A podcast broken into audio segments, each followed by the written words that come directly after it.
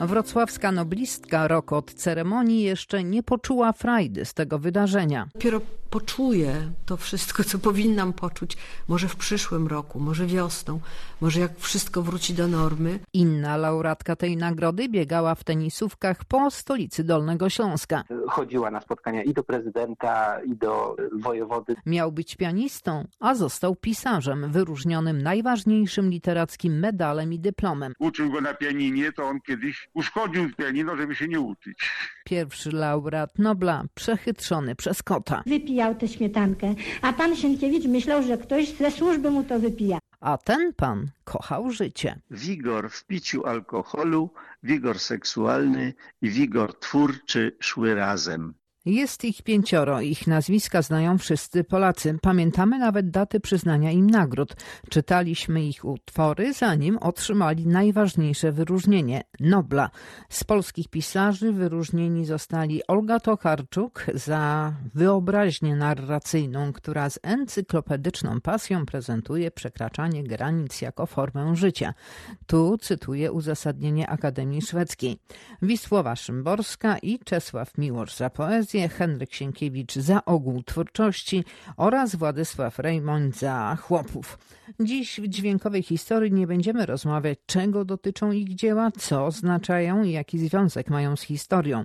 Spróbuję przedstawić noblistów, jakimi byli bądź są ludźmi. Moimi gośćmi będą eksperci od noblistów. W audycji będę korzystała z naszych radiowych archiwów ze strony tu.prw.pl. Chronologicznie pierwszą nagrodę dostał w 1905 roku Henryk Sienkiewicz. Wcześniej jednak otrzymał pałac w Oblęgorgu. Był to dar narodu polskiego z okazji 25-lecia pracy twórczej. Dawniej oaza pisarza, dziś Muzeum Koło Kielc. W naszym archiwum zachowały się wypowiedzi kobiet, które pracowały jako służące w domu Sienkiewiczów. Marianny Luty i Katarzyny Politowej. Po wojnie zamieszkały na Dolnym Śląsku, stąd łatwo można było do nich dotrzeć. Nagrania pochodzą odpowiednio z 1961 roku i 1974. Więc dzwonek. Ja przychodzę, otwieram, Sienkiewicz, Sienkiewicz mówi, jestem Sienkiewicz. Bardzo mi przyjemnie, ale uciekłam w tej chwili. Otworzyłam drzwi i zostawiłam go. Wszedł do pokoju, zaraz do jadalnego. Ja tylko te, tak jak powiedziała mi, tę kawę zaniosłam, postawiłam na stole i sama usunęłam się zaraz. Więc niedługo znów przy, wszyscy przyszli z kościoła. Więc zaraz Sienkiewicz idzie do babuni, bo o wszystko się pytał. Zawsze do, do babuni chodził i ba, co babunia powiedziała, to było święte, bo naprawdę to była taka osoba mądra i taka dobra, że zawsze jak coś mu się nie podobało, to zaraz powiedziała, Henryku, to tak nie można. Więc y, poszedł zaraz do babuni i babunia mówi, że no Henryku, jak, jakie wrażenie na tobie zrobiła ta nasza Marysia? A on mówi, dobre. Zdaje się, żeby się, będzie się nadawała do naszego domu.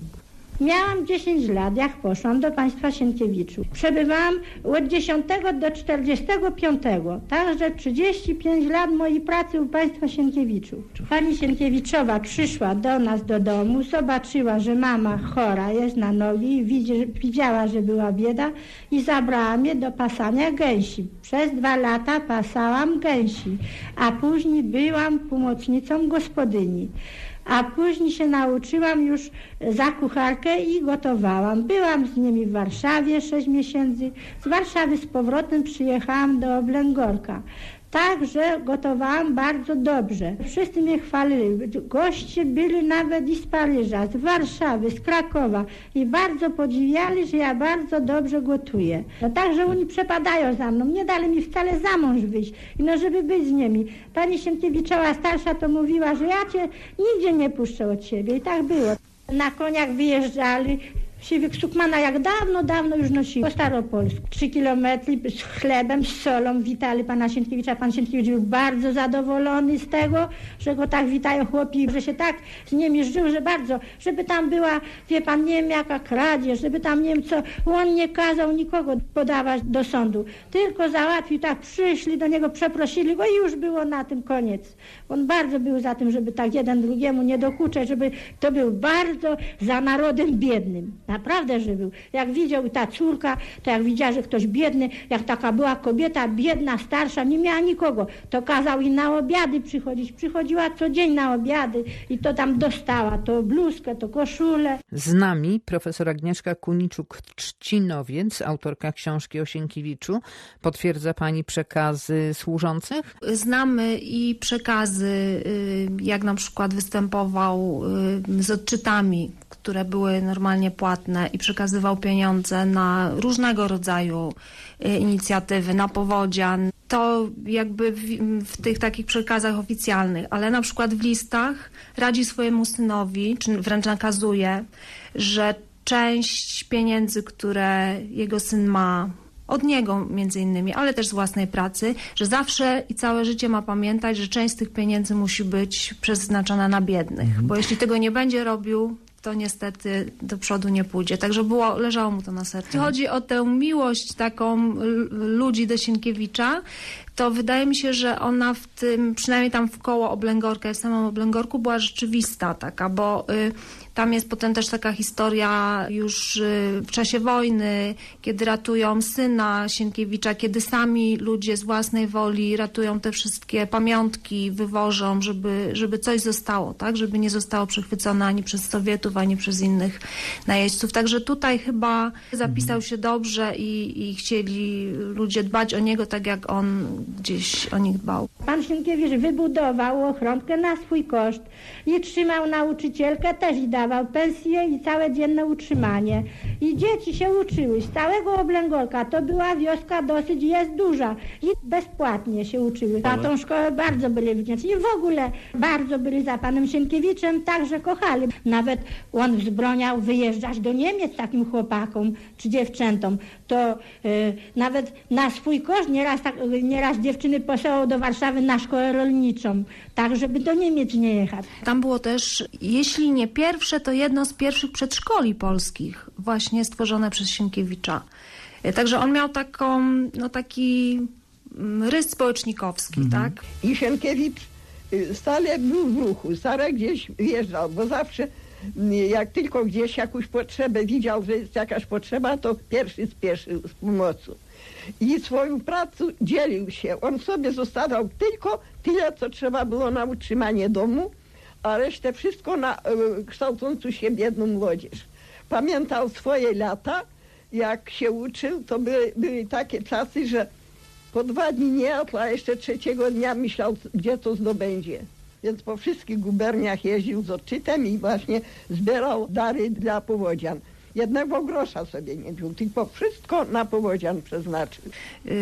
Wielkich jakichś rocznic pruskich czy rosyjskich nigdy tego nie robił. Zawsze stał na, po stronie polskości i bronienia tego. No chciałabym tutaj jednak podkreślić, że był europejskim pisarzem, że, że to nie było jakieś ksenofobiczne, tylko bronił jakby prawidłowych postaw. Ogromnie lubił omlet ze szpinakiem, taki zawijany. Upiekło się w piecyku omlet, później osobno szpinak się ugotowało, później się e, go posiekało, zrobiło się zasmażkę białą, masła, z mąki i trochę śmietanki słodkiej. Ogromnie lubił słodką śmietankę. Podawało się zawsze śmietankę do herbaty, surową, niegotowaną. I przyszedł kot i wypijał tę śmietankę. A pan Sienkiewicz myślał, że ktoś ze służby mu to wypija. Czasami mówił niewiele, bo on małomówny był. I powtórzał, on nie miał na to czasu, bo tak jak on Zamykał się w gabinecie i pisał w nocy. Bardzo wcześnie wychodził z gabinetu, trochę tam tylko odpoczął, trochę się przespał, miał śniadanie. To już miał nie tylko krajowe, ale zagraniczne pisma, to już to z pism do przeglądania, to to wszystko trzeba było przejrzeć, korespondencję przejrzeć. To nie było na to czasu, a później już prawie do obiadu był zajęty a potem obiad, potem się poszedł trochę przejść. Wrodzona ironia kazała mu napisać na przykład w listach, nikt nie jest pracowity tak jak ja, wtedy, kiedy pracuje. Bo lubił też grać w karty, mhm. lubił się oddawać różnym rozrywkom, nawet hazardową. A później Sienkiewicz zaczął konkurować do kanoniczek, do właśnie do tej pani babski. Więc wychodził sobie tam wieczorem Babska zresztą y, pochodziła z jego troszkę dalszej rodziny, więc oni się znali też wcześniej. Y, nie wiem, czy zdradzać, czy nie, może to nie zabrzmi najlepiej, ale do kanoniczek chodził na karty. Jak w nocy się obudziłam, to słyszałam po papierze pióro jak chodziło. Ale jak wyszedł z gabinetu, to ja otworzyłam z klucza i chap ten rękopis. Zaraz przeczytałam ten rękopis, z powrotem położyłam i nikt nie wiedział o tym. Z powrotem zamknęłam. I na polu chwały pisał przy mnie, że byłby pisał to za granicą, to by była druga trylogia. Tak strasznie cenzura niszczyła mu. Przychodził woźny, zabierał do cenzury, to jedna trzecia zostawała to, co przez noc napisał, a resztę wszystko tuszem zalane. Strasznie mu niszczyła cenzura rosyjska. A w 2005 roku w Ziębicach odbyło się sympozjum naukowe poświęcone twórczości Henryka Sienkiewicza. Do miasta przyjechali przedstawiciele ponad 60 szkół noszących imię pisarza. Wśród gości był wnuk Henryka Sienkiewicza, Juliusz. Uważa on, że taka inicjatywa jest bardzo ważna dla młodych ludzi, choć on sam nie znosi tego typu spotkań. Wydaje mi się, że to jest jakimś moim obowiązkiem. Nie kocham tego. Jest to uciążliwe, jest męczące, powtarza się w zasadzie co roku to samo mniej więcej. Nie mówiąc o tym, że mam najbardziej obfotografowaną gębę w C Rzeczpospolitej, bo prawie, że co chwila jakaś grupka, czy może pan sobie z nami zrobić zdjęcie? Mówię, mogę, mogę. I to jest znużące. Ale uważam, że dla młodzieży jest to bardzo istotne. To być może troszeczkę wyrobiło u mnie taki gest obronny, krytycznego patrzenia na, zwłaszcza na twórczość, jest parę książek mojego dziada, które uważam za knoty totalne. Chociażby Rodzina Połanieckich, czy Wiry, czy Na polu chwały Boże Drogi. Straszne. Z tym, że uznaję, że był absolutnie pisarzem o ogromnym talencie.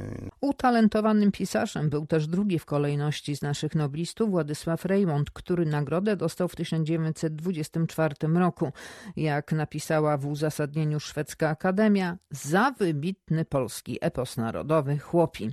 Teraz przy telefonie dyrektor Muzeum Władysława Stanisława Rejmonta w Lipcach Rejmontowskich Jerzy Murgrabia. Panie dyrektorze, chłopów mniej więcej znamy, bo to była lektura szkolna, a jaki Rejmont był na co dzień? Przed laty robiliśmy wywiady z ludźmi, to znaczy już potomkami tych, którzy Rejmonta pamiętali, u których mieszkał, bo najpierw mieszkał y, około roku w miejscowości Przyłęk, potem prawie trzy lata w miejscowości Krosnowa, no i przebywał bardzo często w Lipcach, między innymi w tym domku, który nosi dzisiaj nazwę y, domek y, Rejmonta.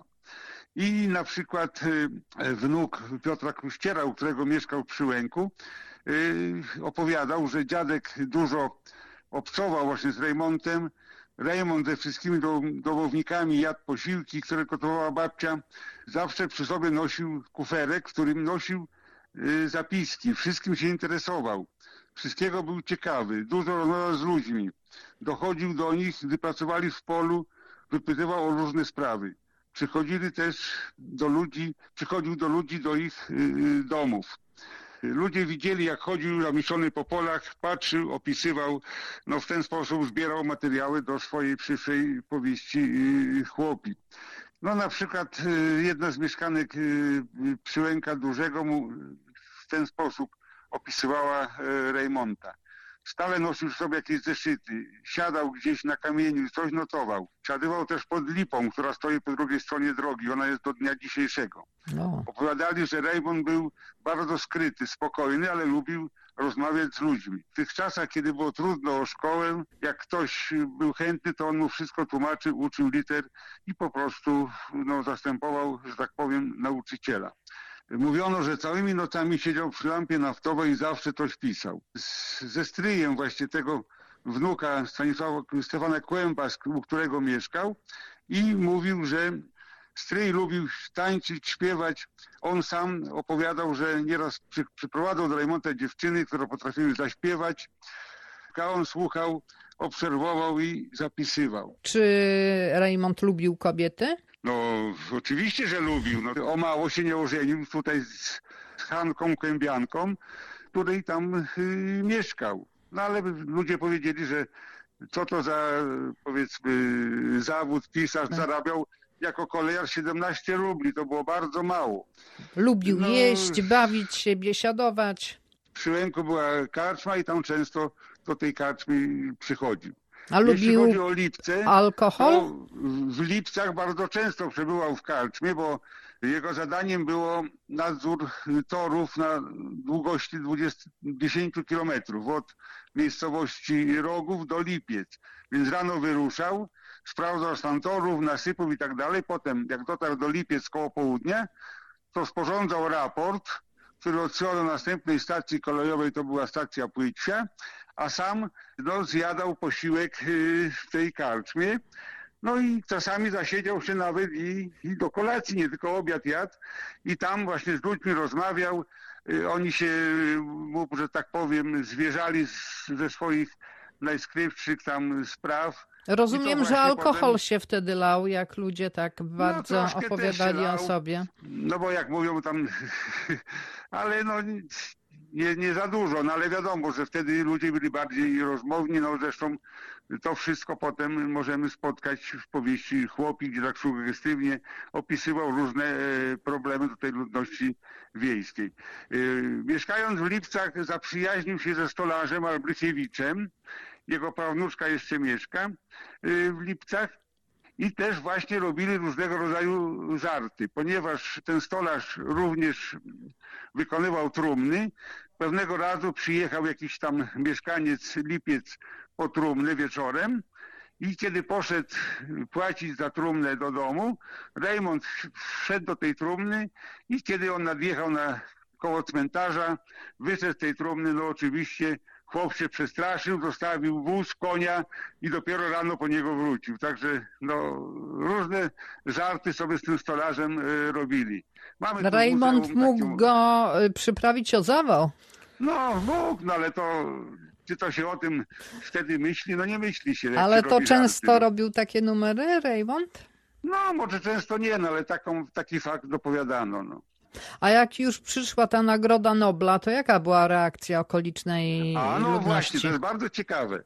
Do Lipiec dotarła w latach dwudziestych jego książka Chłopi. No i wbrew temu, że pięknie opisał y, chłopów, obyczaje, zwyczaje i tak dalej, ale ludzie byli niezadowoleni, ponieważ opisał wiele ludzkich tam wad, swarów y, sąsiedzkich, rodzinnych, którzy uważali, że to jest o nich i bardzo negatywnie wtedy podchodzili do, do tej powieści. Ale kiedy już otrzymał Nagrodę Nobla, kiedy ta wiadomość dotarła już i do Lipiec i tu zaczęli przyjeżdżać przyjaciele y, Reymonta, więc pisarze, malarze, interesować się y, Lipcami, no to wtedy zaczęli go doceniać i postanowili postawić mu pomnik. Ale jak na owe czasy to uważam niezwykły, bo nie y, w postaci jakiejś figury, tam z brązu czy, czy z kamienia, tylko w postaci nowej szkoły. No i wtedy kierownik tej małej szkoły postanowił zorganizować taki e, amatorski ze- zespół teatralny i wystawić fragment chłopów. I wtedy opracowano widowisko Wesela Boryny. No i ten zespół powstał w 1932 roku i po raz pierwszy wystawili to widowisko w plenerze i przeszło wszelkie oczekiwania, ponieważ na tą premierę przyszło 3000 osób z pobliskich wsi i miasteczek. No i ten zespół działa do, do dnia dzisiejszego. Za dwa lata będzie obchodził 90. rocznicę swojego istnienia. Proszę powiedzieć, czy wiadomo, na co przeznaczył Raymond pieniądze z Nagrody Nobla? Część poszło na rozwód przyszłej żony, y, czyli Aurelii, ponieważ ona y, była mężatką, ale była w separacji z mężem i no i trzeba było załatwić y, rozwód kościelny w Watykanie, a to wiadomo, że kosztuje. Poza tym część pieniędzy zainwestował w jakieś szyby naftowe w Galicji i część pożyczył swojemu szwagrowi z Warszawy, który był znanym krawcem, u którego zresztą terminował i dostał za to y, tytuł czeladnika krawieckiego, ale pożyczając szwagrowi miał z tego dosyć y, duże dochody w postaci tam procentu czy jakichś tam innych y, apanaży. No właśnie chciałam się zapytać o to, czy ten kuzyn w ogóle oddał mu te pieniądze. Tak. A czy ludzie jeszcze mówią o Raymontach? Nie, no mówią tutaj Raymond jest naprawdę uważany, wręcz można powiedzieć czczony, bo tak, Główna ulica to nazywa się Rejmonta. Szkoła nosi imię Władysława Rejmonta, również do niedawna gimnazjum też nosiło. Biblioteka, jest fundacja imienia Rejmonta. Muzeum. Amatorski zespół regionalny imienia Rejmonta. A czy ktoś w pobliżu mieszka z rodziny Rejmontów? Ktoś Y, przyjeżdża? To znaczy, kuzyni mieszkają, no bo on nie miał dzieci, więc y, z tym, że oni noszą nazwę Raymond. No bo tak pierwotnie Znaczy, nazywał się no Raymond. Takie było właściwe nazwisko Raymonta. A czy zna pan tak przyczynę, dlaczego on zmienił to nazwisko? No po prostu zaczął korespondencję wysyłać do różnych gazet, pracując jeszcze tutaj właśnie na linii kolejowej warszawsko-wiedeńskiej, to zaczął je pod koniec XIX wieku, czyli w latach y, 90. podpisywać y, Raymond. Również zmienił kolejność y, imion, nie Stanisław Władysław, tylko Władysław Stanisław y, Raymond. No, jak to artysta. Jak to artysta, no właśnie. Chciał się Chciałby trochę pan- odróżnić może od rodziny, z którą tam nie zawsze miał dobre kontakty, no, szczególnie z ojcem. A co, ojciec był niezadowolony, że syn został pisarzem? Uczył go grać na organach, ale on nie chciał. Nawet y, były przypadki, że uczył go na pianinie, to on kiedyś uszkodził pianino, żeby się nie uczyć. Wiele razy, że tak powiem, uciekał do grupy aktorskiej i z nią wędrował po, po kraju. A to się już nie podobało ojcu na pewno. Kiedyś to mówili, że, że Raymond to był leń, bo nie pracował, tylko coś tam chodził i, i tylko pisał coś i pisał, nie? No i tutaj pracując w okolicach Lipiec 5 lat na linii kolejowej jako kolejarz, no zebrał cały materiał do chłopów, których no napisał oczywiście później i, i na pewno nie w Lipcach, jak niektórzy się pytają, tylko w Wiśle, gdzie miał kolegę, który miał tam jakiś pensjonet i go tam przygarnął. Poza tym no, w Brytanii, w Paryżu. Pierwszą wersję powieści nie podobała mu się i w ciągu kilku minut ją zniszczył. I pisał od nowa. Prawie gotową powieść zniszczył i napisał od nowa. To był dyrektor Muzeum Władysława Stanisława Rejmonta Jerzy Murgnabia. A teraz niespodzianka z 1963 roku. Studio 202 przedstawia swoje własne dokończenia utworów wielkich mistrzów. Chlopi. Oto moment, kiedy rozsierdzeni mieszkańcy Lipców wywożą na wozie z gnojem pohańbioną Jagusię.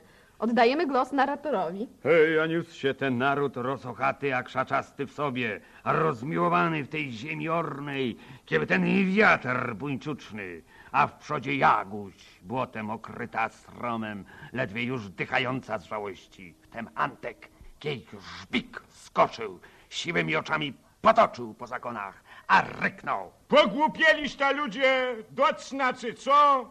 Za co to ją chcecie wyżenać? Zali nie widzi ta, że jest prekursorką niesłychanie postępowego hasła świadomego macierzyństwa oraz prekursorką zrównania kobiety wiejskiej w jej prawach do samostanowienia, które odnosi takie triumfy w środowiskach miejskich, że hej! Dzielny parop, prawdę powiada. Widać, że gospodarski syn. Poszedł po narodzie pomruk, kiej ta gędźba, zadzierżysta akwarta. Ale znalazł się Zoro dla ubogich. Ciepnęła się swarliwie jazgotliwą chwiejbą Jagustynka. Antek uderzył w nią siwymi ślepiami kiejłomem albo zgoła cegłą w ruinach, ale już wystąpił z tłumu starzec biały jak giezło, a mocarny mocą jakąś nadludzką, a przaśną. Rocho, a być to Rocho. Zakolewał szept narodem, kiej drganie sejsmiczne w punkcie epicentrum, a Rocho Jaguś ramieniom ogarnął, a że pokraśniała z lubości mdlącej, a rzekł surowo. Gospodarze, lipczaki rodzone, chcielibyś ta to niebożątko ze wsi wykopać, a zapomnieliście już, co trzeba wykopać najpierw? A ziemiaków to nie łaska, przeciek pora wykopków przyszła, rosochata jurna, a nie wstyd to wam do wywożenia jagusi wóz z gnojem marnować. Nie widzicie to, że obornik wielkie znaczenie ma i te naszą ziemię ojcowo najlepiej użyźnia?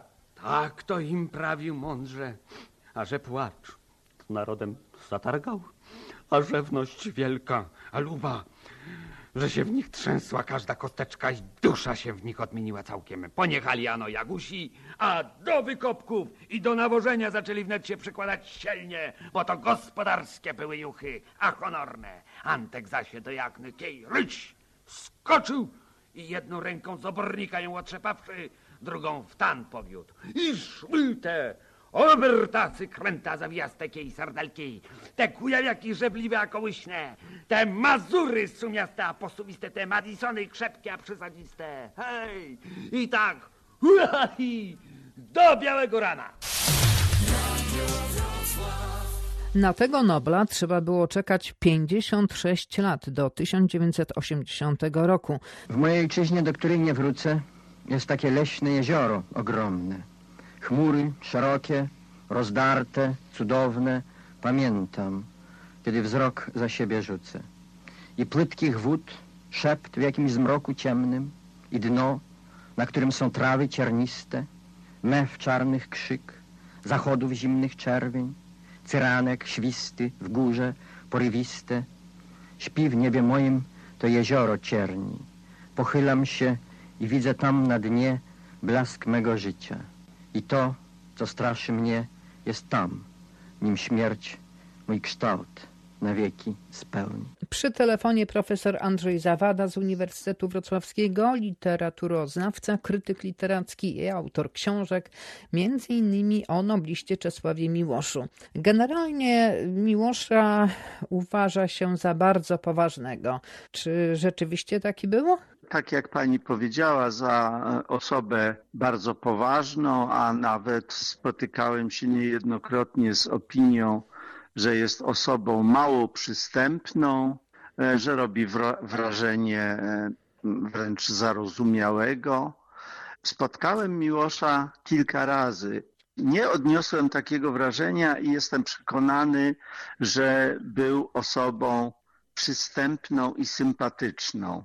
Dlaczego e, tak, takie, tak rozbieżne są te opinie, Prawdę powiedziawszy, nie wiem.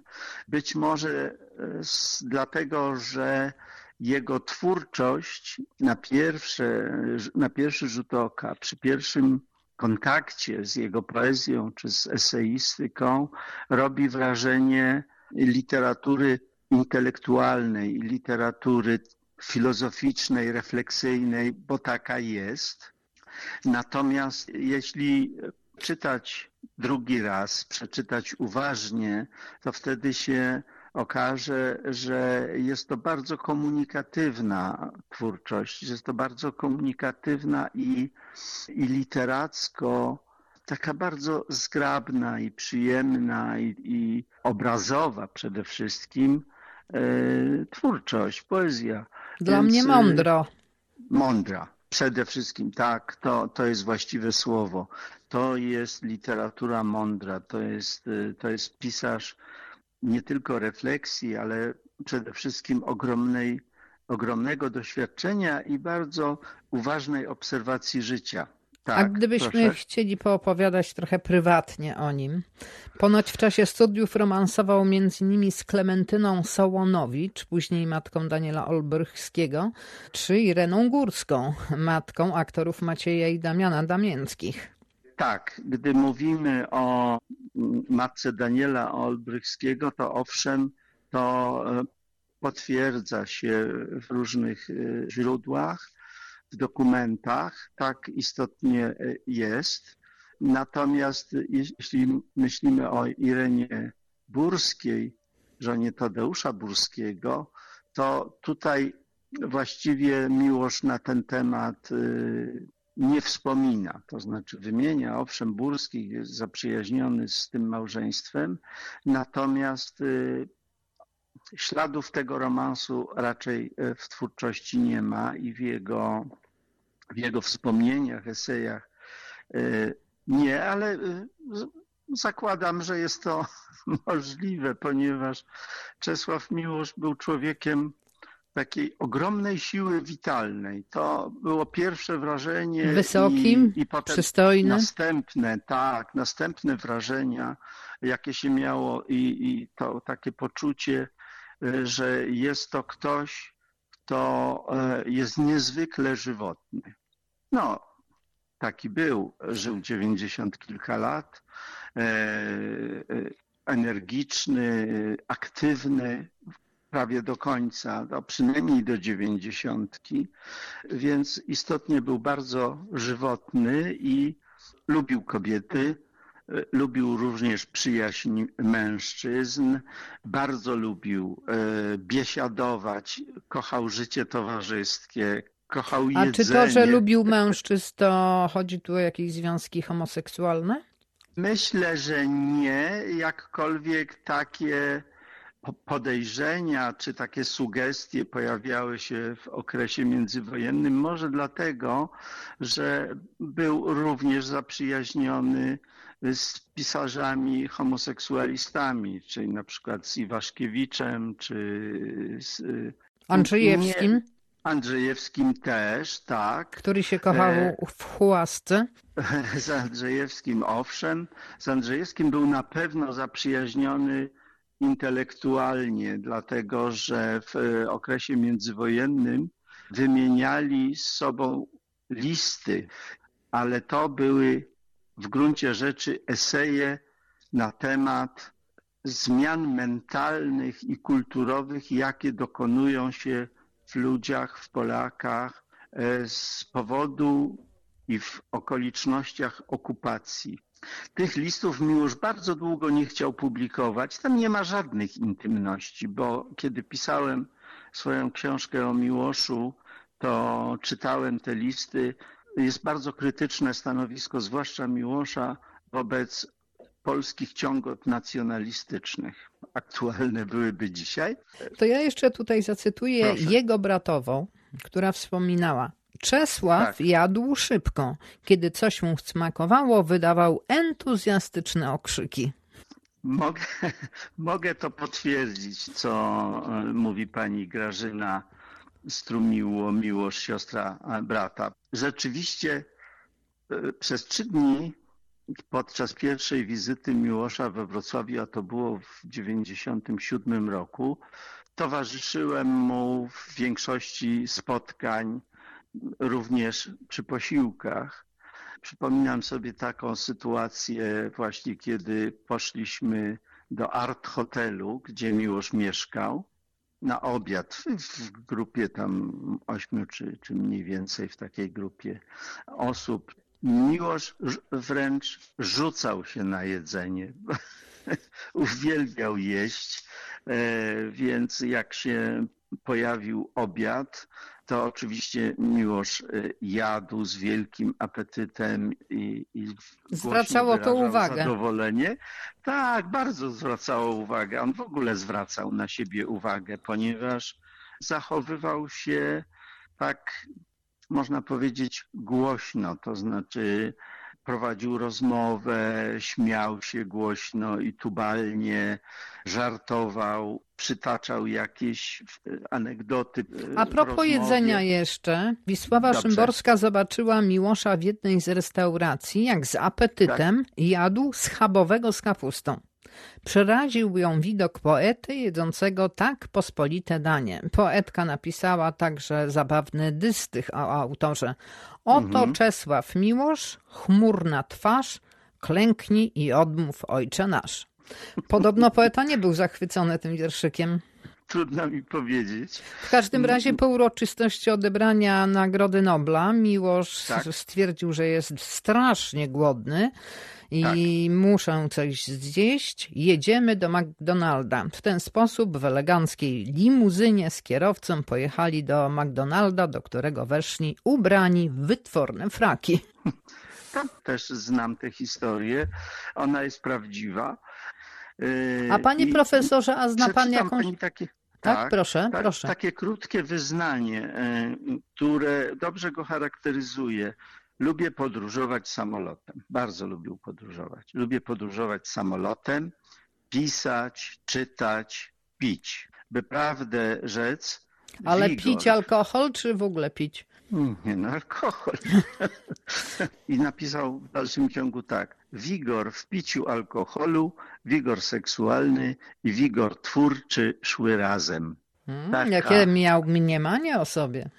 Ja myślę, że uzasadnione. 16 lat później, w 1996 roku, Nobla dostaje Wisława Szymborska. Miłość szczęśliwa. Miłość szczęśliwa. Czy to jest normalne? Czy to poważne? Czy to pożyteczne? Co świat ma z dwojga ludzi, którzy nie widzą świata? Wywyższeni ku sobie, bez żadnej zasługi, pierwsi lepsi z miliona, ale przekonani, że tak się stać musiało. W nagrodę za co? Za nic. Światło pada znikąd. Dlaczego właśnie na tych, a nie innych? Czy to obraża sprawiedliwość? Tak. Czy narusza troskliwie piętrzone zasady? Strąca ze szczytu morał? narusza i strąca. Spójrzcie na tych szczęśliwych.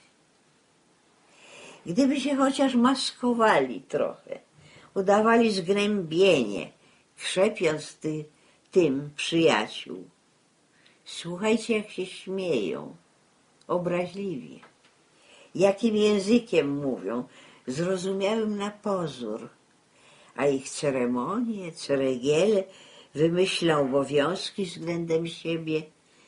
Wygląda to na zmowę za plecami ludzkości.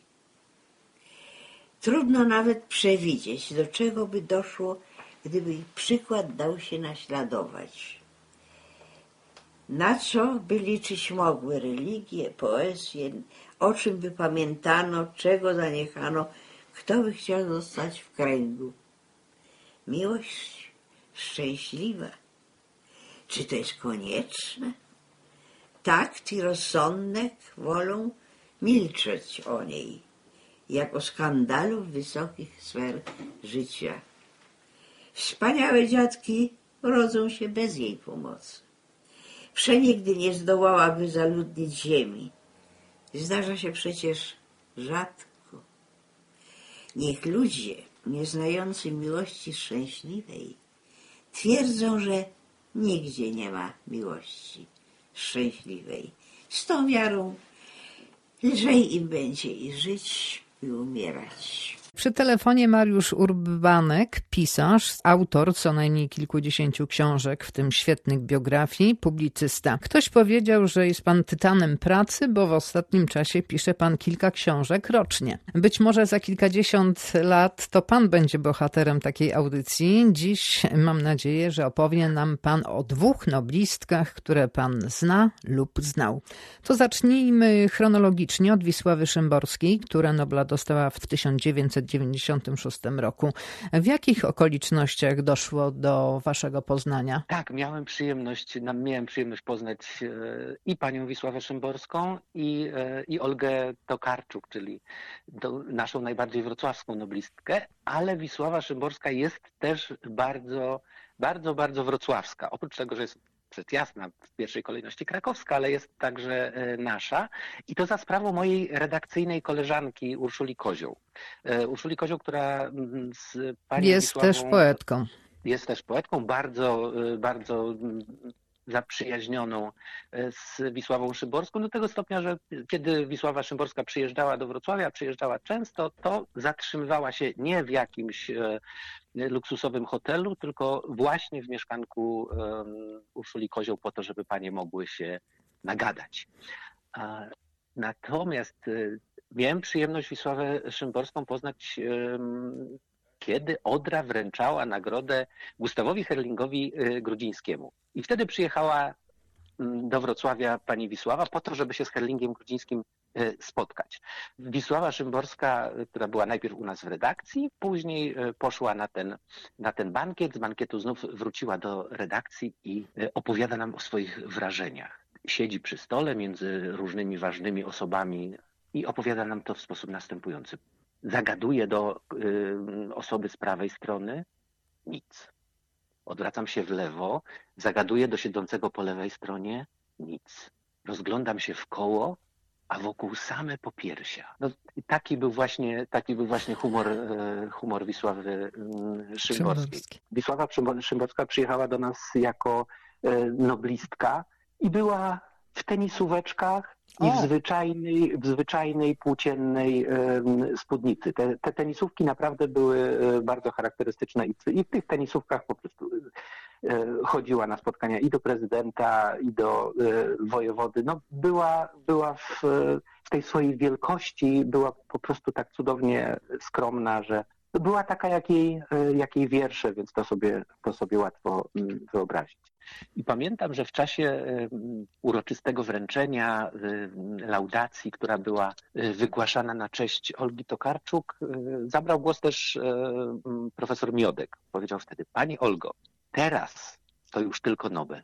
No i się... Jaki prorok. Się sprawdziło, tak. I to się, I to się rzeczywiście sprawdziło. I z tymi Noblami jest jeszcze, i tutaj już przejdę do Olgi Tokarczuk, bo Cała trójka mają nagrody Odry. Tak. Tokarczuk i Szymborska dostały oczywiście tę nagrodę Odry najpierw, a potem mniej więcej po 10 latach w jednym i w drugim przypadku przyszły, przyszła ta Nagroda Nobla dla, dla nich właśnie.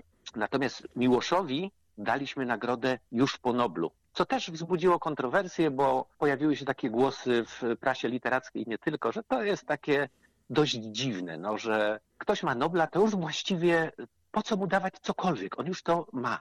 A my 20 lat po Noblu dla Miłosza daliśmy mu nagrodę za tomik wierszy To, ponieważ uznaliśmy, że w tym roku nic lepszego w Polsce się nie ukazało. A to był wybitny tomik z wybitnymi wierszami starego, mądrego poety, który dzieli się ze swoimi przemyśleniami o przemijaniu, o o śmierci. I na koniec nasza najmłodsza noblistka, nasza Dolnośląska i Wrocławska Olga Tokarczuk.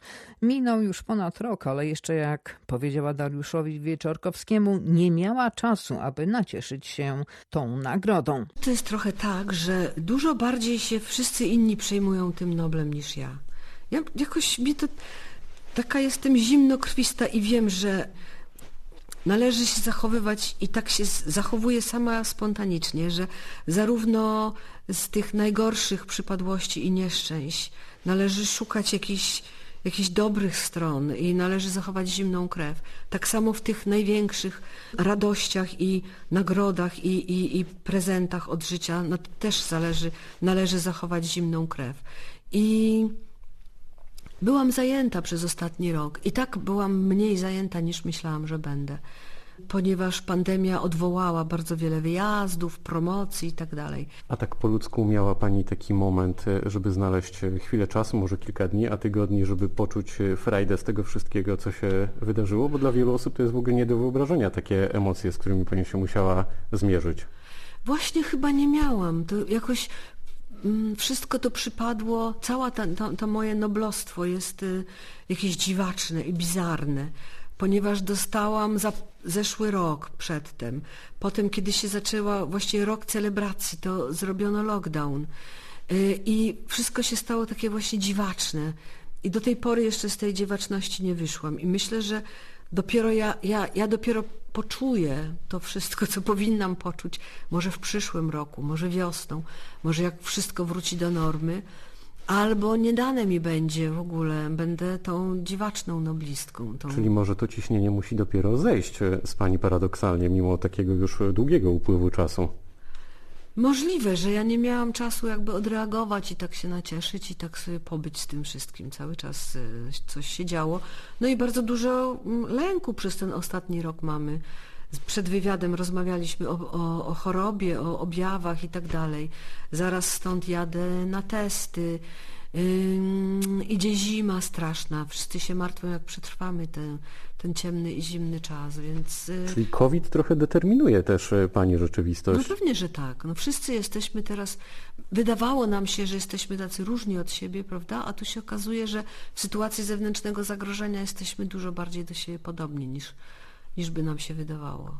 Z noblistką Olgą Tokarczuk rozmawiał Dariusz Wieczorkowski. Przed mikrofonem profesor Wojciech Browarny z Uniwersytetu Wrocławskiego, krytyk literacki i historyk literatury. Pamiętam, że kiedyś y, Olga i jej mąż Grzegorz Zygadło zapukali do drzwi do mojego mieszkania.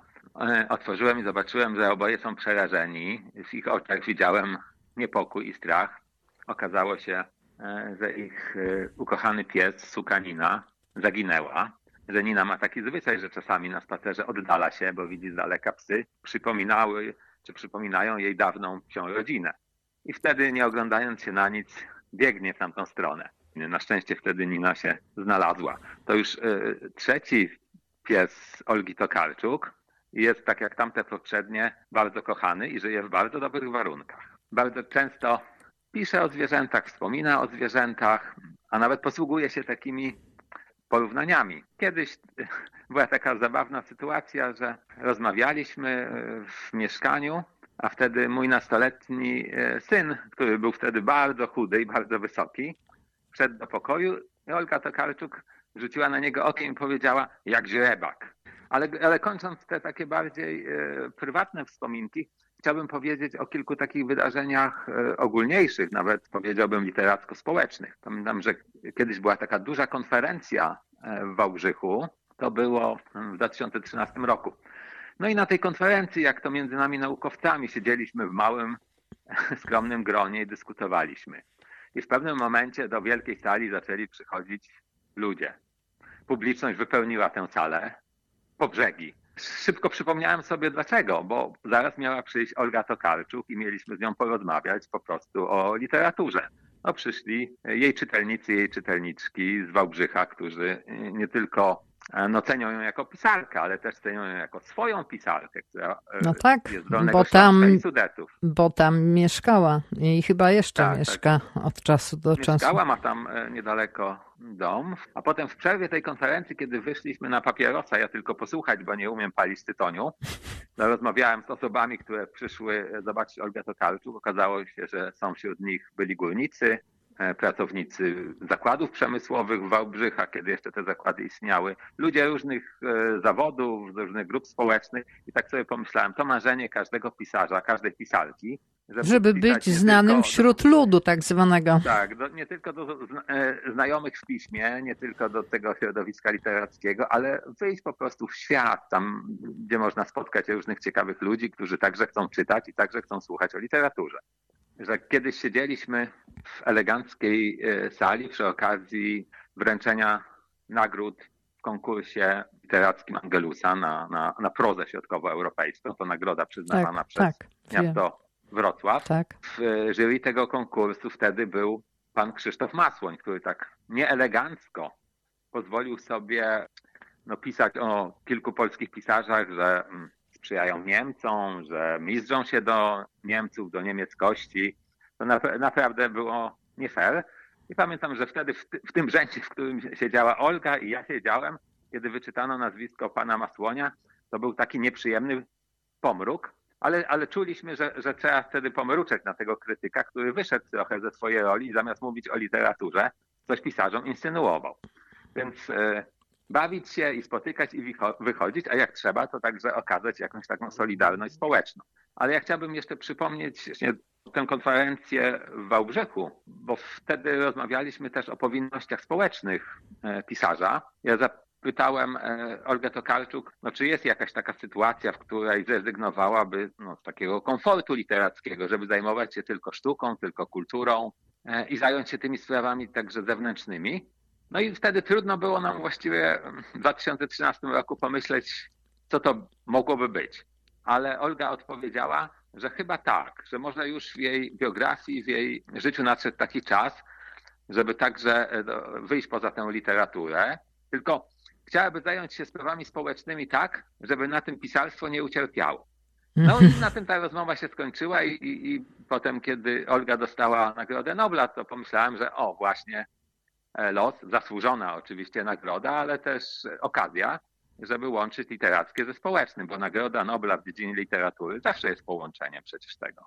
No to wszystko ciężko też było przez e, Tokarczuk wypracowane. Tak, tak wydaje się, że to sukces za sukcesem, nagroda za nagrodą. A, a pamiętam jak przy pisaniu historii Jakubowych, to już ładnych parę lat temu było, e, Olga Tokarczuk powiedziała, wysiadły mi dwa kręgi w kręgosłupie od tej powieści.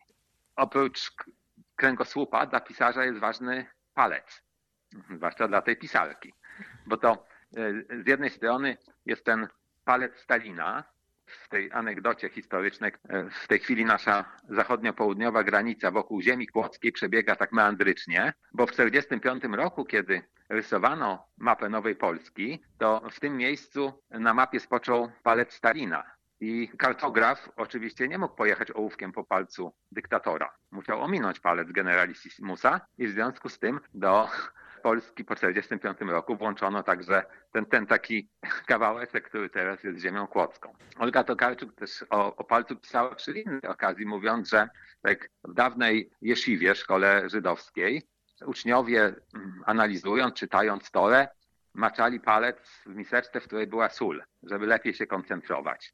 I tak samo ma Olga Tokarczuk. Kiedy czyta, a ciągle bardzo dużo czyta i niektóre książki po wiele razy, tak jak Czarodziejską Górę Tomasza Mana, no to zjada słone paluszki albo inne słone rzeczy i w ten sposób e, koncentruje się lepiej na tekście. Więc palec jest dla tej pisarki równie ważny jak kręgosłup. Wszystkim moim gościom bardzo dziękuję za udział. W audycji korzystałam z radiowych archiwów, które znajdują się na stronie tu.prw.pl, a pożegnamy się wierszem Wisławy Szymborskiej, która zespół Manam zamienił na piosenkę. Alicja Mikłaszewicz, dziękuję za uwagę, dobranoc, do usłyszenia. Się nie zdarza.